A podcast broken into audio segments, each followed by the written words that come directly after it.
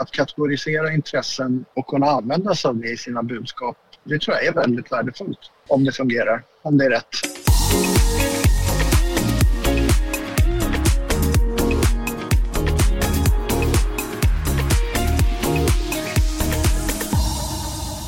Danderyds kommun. Alltså vad fan Amanda, jag har inte ens varit i Danderyd. Och Serie A-fotboll, jag hatar ju fotboll. Sist men inte minst här, regnperiod. Jag kan inte ens gå ut i duggregn. Nej, nej precis. Och eh, nunna, eh, förvirringen är rätt eh, total där måste jag säga. Vad har jag gjort för att förtjäna nunna? Och kemikalier, jag kan inte tänka mig att jag någonsin visat intresse för kemikalier. Det känns eh, inte som jag. Och eh, Japanese hiphop, jag vet inte hur jag ska kommentera det. Nej, man kan ju kort och gott säga här att vi har lärt oss en hel del nytt om oss själva här under vårt senaste jobb. Men verkligen. Eh, och vad har vi gjort då? Jo, det är en kartläggning av alla våra annonsintressen i sociala medier. 1311 stycken för att vara exakt. Och det är alltså de här intressena som Facebook, Instagram, Twitter och LinkedIn har bestämt att vi har baserat på ett antal parametrar, bland annat då vår aktivitet på de olika plattformarna. Och det visade sig att de var fel ute i ungefär hälften av fallen, närmare bestämt i 53 procent av fallen. Det vi räknade upp här inledningsvis det är ju då ett axplock av de här udda intressena som vi har enligt de sociala medierna och som vi överhuvudtaget inte känner igen oss själva i. Nej, precis. Och vi kommer då fram till att du, Jasmin, är en sporttokig Lisbeth Salander. Ja. Eh, medan jag är en hiphop-älskande bilentusiast. Och nej, inga egenskaper som sagt som vi visste att vi hade. Men då kan man ju fråga sig varför är det här en grej? Jo, det handlar ju då om att Facebook, Twitter och de andra årligen tjänar enorma summor på annonsering. Faktum är att 98,5 procent av Facebooks intäkt 2019 bestod av annonsintäkter och det handlar ju då alltså om hundratals miljarder kronor. Och något som gör att varumärken väljer att annonsera i de sociala medierna är just möjligheten att rikta annonser så att de blir så träffsäkra som möjligt. Bland annat baserat på de här annonsintressena.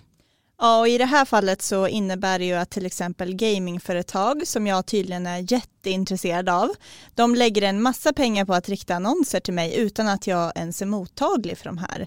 Alltså jag bryr mig ju inte överhuvudtaget om vare sig World of Warcraft eller Animal Crossing eftersom jag inte de senaste 20 åren har ägnat en enda sekund åt gaming överhuvudtaget. Nej, jag måste bara flika in där om Animal Crossing att vi lärde oss ju sen i efterhand vad det var. Ja. Eh, nu ser jag saker och ting om Animal Crossing överallt. Så ursäkta till läsarna som läste artikeln och tyckte att vi var okunniga om det här spelet. Man eh, började ju fundera där innan, innan du, du hittade facit sen. Animal Crossing. Och i mitt fall då så kanske olika bilvarumärken tror att de har en potentiell kund i mig. Eh, men jag har då inte ens körkort kan jag ju flagga för.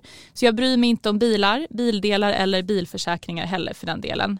Men jag har en uppsjö intressen eh, inom bilar då enligt Instagram. Och det här visar ju med all önskvärd tydlighet tycker vi vad avsaknaden av mänsklig handpåläggning faktiskt kan leda till. Det sägs ju att techbolagen vet mer om, om oss själva än vad vi själva gör.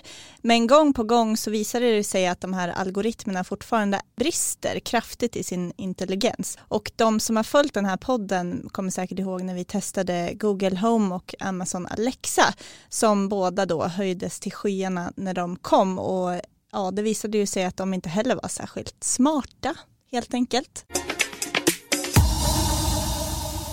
För att reda ut det här ytterligare har vi med oss Daniel Collin som är kommunikationsstrateg på Vinter och med oss på telefon från bilen. Så det kanske kommer vara lite ljud här i bakgrunden men vi hoppas att ni kan höra ändå.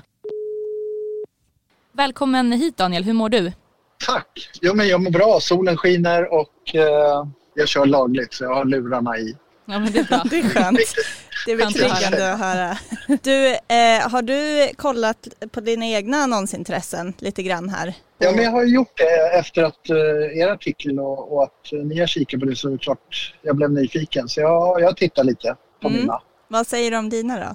Vad ska jag säga? Det blev ju 27 A4-sidor. Nej, men för mig är det bara en herrans massa ord. Vissa saker är fullt logiskt som, som är intressen men eh, räcker med att ha klickat på någonting så, så blev det ett intresse. Hur ska man annars kunna fylla 27 sidor?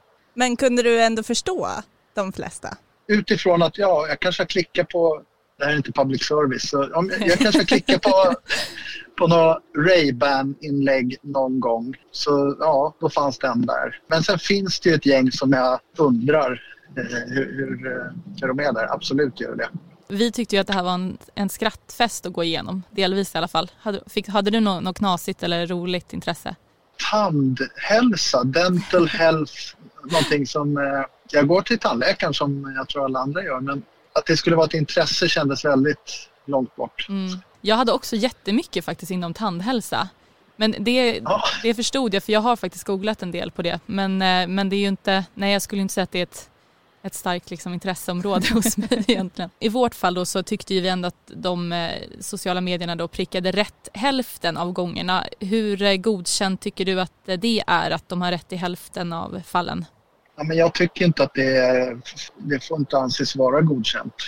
Om man som annonsör ändå använder den här informationen i sina budskap, när man riktar det, så är det ju inte bra att varannan så att säga felaktig om man får dra de slutsatserna utifrån er, er analys. Om man då som marknadschef använder sig av intressen som liksom styrmedel här när man riktar sina annonser, får man värde då för de miljarder som man ändå pumpar in här varje år? Nej, men jag tycker att man blir lite lurad genom att kanske tro att man riktar det på rätt sätt. Eh, man tar hjälp av intresseområden och så visar det sig att varannan är fel. Det är, nej, det är, för, det är för dåligt. Jag tycker, nej, jag tycker inte det är försvarbart. Hur, hur viktiga tror du att de här intressebankerna, om man kan kalla dem det, är för de sociala mediernas attraktionskraft som eh, reklamkanal? Jag tror ju att det har absolut ett stort värde. Det går ju att i andra typer av medier kan man ju välja att annonsera kontextuellt exempelvis. Men mig vetligen så är det inga andra riktigt än, än de sociala medierna som har ringat in just intressen på det här sättet. Det finns andra, andra sätt att jobba med data men eh, att kategorisera intressen och kunna använda sig av det i sina budskap det tror jag är väldigt värdefullt om det fungerar, om det är rätt. Vi pratade ju med Facebook här också eh, när vi skrev de här artiklarna och då så sa de att eh, användarna har ju all makt i världen att själva gå in och ändra på och ta bort då de här felaktiga intressena om man hade fått sådana i sin profil. Men eh, vi funderar ju på hur troligt är det att användarna då känner till att den här funktionen finns? Vad, vad säger du där? Det är ett skämt att säga på det sättet. Ursäkta men kan det vara en procent som har gått in och gjort det senaste året. Vi frågade ju också hur ofta förekommande det var att man gick in och gjorde det, men det hade de inget svar på. Nej. Hade ni gjort det innan ni gjorde den här kartläggningen? Nej, aldrig. Nej. Vi gjorde det inte efter heller, ska jag säga. Nej. Nej, man lämnar Nej. ju det där. Jag lämnade det. Ja. Och 27 sidor är ju lite maffigt att ha koll på hela tiden. Ja, och jag kan tänka mig att de flesta vet inte hur man eh, kan ta del av de här annonsintressena heller. Eh, gemene man vet ju definitivt inte det. Jag gjorde en jämförelse på mig själv och tittade på en tidsperiod. Dels från 2007 eller vad det nu var när jag eh, skaffade Facebook fram till idag. Och sen gjorde jag en från 1 januari 2019 fram till idag. Bara för att se om, om de har gjort någon uppdatering. Eh, om det försvann massa saker när jag kortade ner tidsperioden till att bara vara senaste ett och ett halvt år. Men det var vad jag kunde se vid, vid liksom en snabb anblick så var det same same. Det var det var 27 sidor fortfarande. Så mm -hmm. som de säger, jag, jag, kan gå in och ändra och eh, jag gör ju det nu. Jag tar ju bort 80 procent av det som står som intresse. Så då, jag, jag, blev lite nyfiken på ert, ert jobb. Jag är inte riktigt klar än, men jag, kommer, jag märker att jag kommer ta bort ungefär 80 procent. Eh, så ska vi ska ja, se sen. Du får hålla oss uppdaterade i vad som händer här. Det är ja, spännande. verkligen. Ja, vad tror du om liksom annonsörerna då? Har de koll på att det är så här det ser ut ungefär? Att jag i vårt fall då så var 50 procent felaktigt och så. Finns det en medvetenhet om det? Nej, jag tror inte det. Inte hos eh, marknadschefer och eh, generalister och, och, projektledare på marknadsavdelningar. Det är möjligt att, eh, eller kanske troligt att de som är specialister har, eh, har bra koll på det. Det är inte alltid de för vidare sin specialistkunskap. För å ena sidan vet de kanske inte alltid hur värdefull den är. Ja, och det, det finns ju inte heller någon disclaimer in till det här annonsverktyget som förtydligar hur det fungerar. Och Facebook säger då att annonsörerna får tips på hur man kan optimera verktyget via deras utbildningsplattform. Men eh, vad, vad, tycker du om det att det inte framgår att intressena är eh, ungefärliga? Jag förstår inte poängen med att gömma det om det inte är som att det är medvetet att man inte vill helst att annonsörerna ska, ska få den eh, vetskapen. Så jag tror... Har du också valt att bli egen? Då är det viktigt att skaffa en bra företagsförsäkring. Hos oss är alla småföretag stora och inga frågor för små. Swedeas företagsförsäkring är anpassad för mindre företag och täcker även sånt som din hemförsäkring inte täcker. Gå in på swedea.se företag och jämför själv.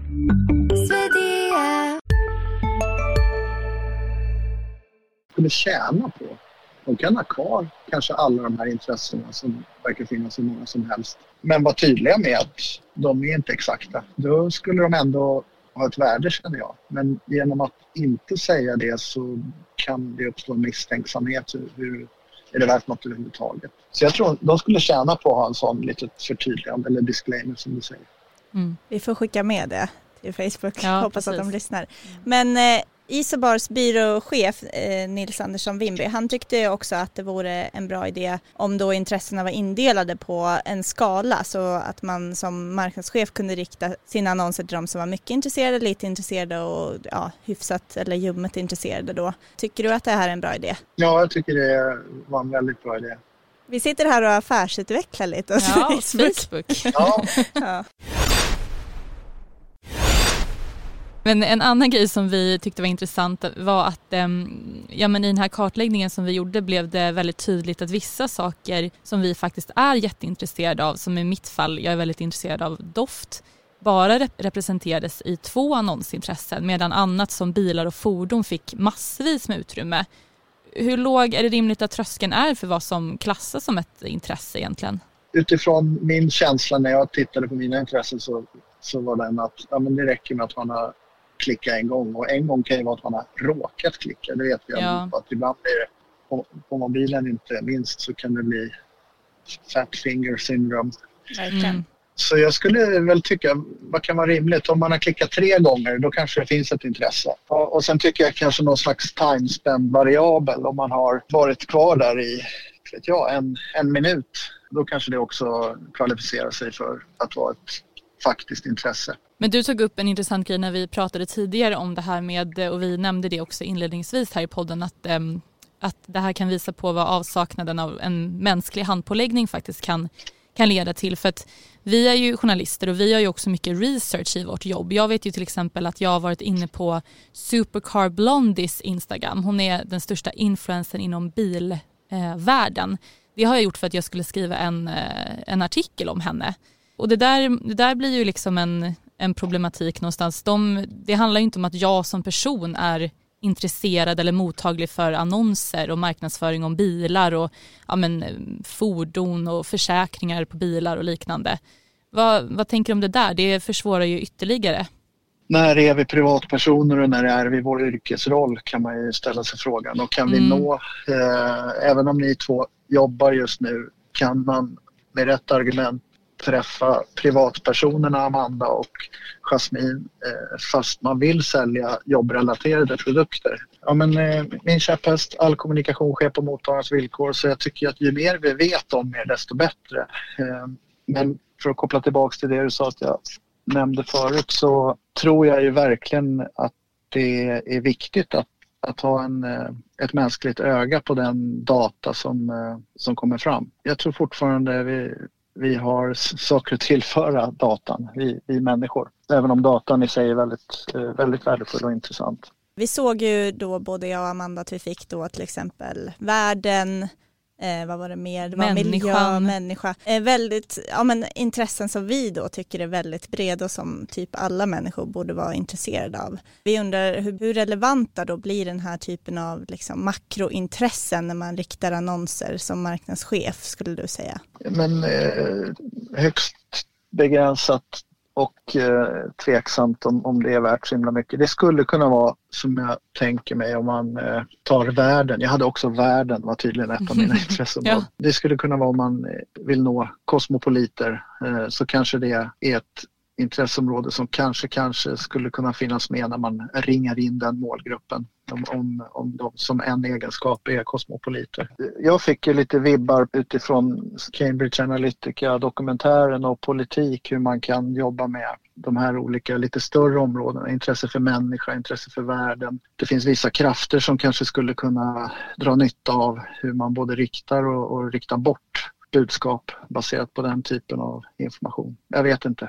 Mm. Men eh, det var sådana associationer jag fick. Mm, För de som inte har sett den här dokumentären då, eh, kan du utveckla lite? Cambridge Analytica var ett företag som, eh, ja, jag ska säga lyckades, eh, tror jag, tillskansa sig en herrans massa data av Facebook och genom det påverka resultatet i val.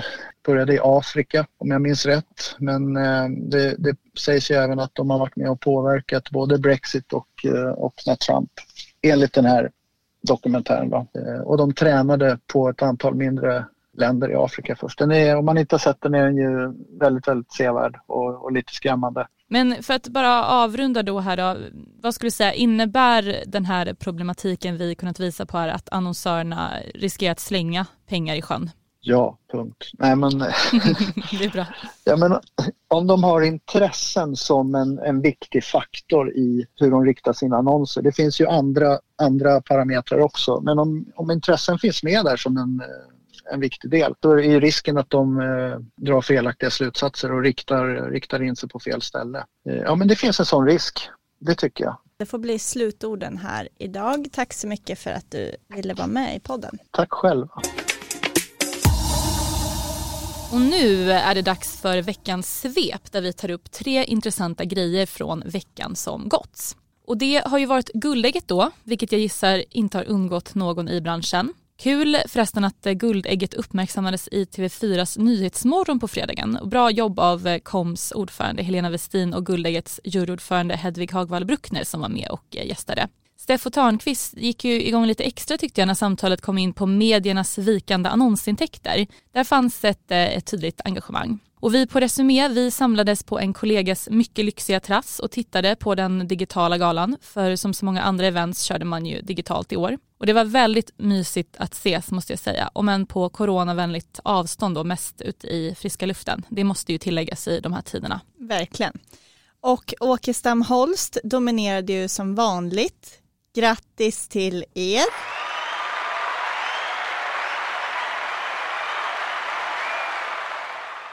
Annars var det väl inga ögonbrynshöjare då, förutom möjligtvis en sak. Att en två år gammal film vann i hantverkskategorin. Och det här rör sig då om Above and Beyond. Ni vet den där filmen där en liten kille då kör runt i världen. En film skapad av MNC Saatchi för Kom hem. Vi tyckte att det här var lite konstigt att den var så gammal så våra kollegor hörde av sig till Kom för att fråga hur det här kommer sig. Och svaret blev att Guldägget brukar belöna gamla kampanjer. Det här var då något nytt för oss, men vi får väl ändå lyfta på hatten för MNC Search här. Det lönar sig att skicka in gammalt material. Plus att vi har lärt oss någonting också, vilket ju alltid är väldigt härligt att göra. Och förutom att titta på Guldägget så gjorde vi ju ett jobb i förra veckan om hur man kan eh, vårstäda sin verksamhet under den här krisen för att rusta sig framåt. Och fokus var ju då mycket på att kapa kostnader, vilket ju tyvärr får man väl säga är högsta prioritet för många i de här speciella tiderna. Till det så pratade vi bland annat med byråvalskonsulten Gunilla Berg som hade en intressant spaning om att corona innebär ett momentum för landsortsbyråerna. Nu när den stora majoriteten i branschen jobbar hemifrån och helt digitalt så går det inte att lika lättvindigt välja bort byråer baserat på att man sitter på olika orter menar hon. Vi har ju fått bevisat för oss att det faktiskt funkar ändå att jobba så här. Så det våras för eh, landsortsbyråerna alltså. Ni bör vässa er och eh, visa framfötterna nu. Nu har ni en chans. Ja, och Volkswagen är inblandat i ett stort mysterium. Häromveckan publicerade varumärket en annons i sociala medier där man puttade bort en svart man från en Volkswagen-bil. Och här består ju då mysteriet av två saker. Ett, vad ville man ens säga med den här annonsen? Och två, hur hamnade innehållet på Volkswagens Instagramkonto? Den här filmen då, den har väckt väldigt mycket kritik för att vara rasistisk, inte minst på grund av Volkswagens historia. Varumärket föddes nämligen av nazister nazisterna åren före andra världskriget. Syftet var att skapa en folkbil åt den tyska befolkningen och krishanteringen här bestod i att Volkswagen plockade ner filmen och erkände direkt att den var rasistisk, men att de inte vet hur den hamnade i sociala medier. Det här händer ju då och då, att filmer från varumärken slår fel på det ena eller andra sättet. Och vi har sett många dra tillbaka sina filmer men få som verkligen på ett så explicit sätt som Volkswagen här har bett om ursäkt. Vi hoppas ska sägas att ni talar sanning när ni säger att ni inte vet hur filmen hamnade där. Och i så fall, kudos för att ni då tog avstånd från den. Och nu har det blivit dags att avrunda dagens avsnitt. Men om några veckor är vi tillbaka igen. Ja, tack alla för att ni hittar till vår podd och om ni orkar och vill som vanligt så ge oss gärna ett betyg i podcaster. Vi är snart tillbaka igen här innan sommaren, missa inte det. Hej då! Hej då!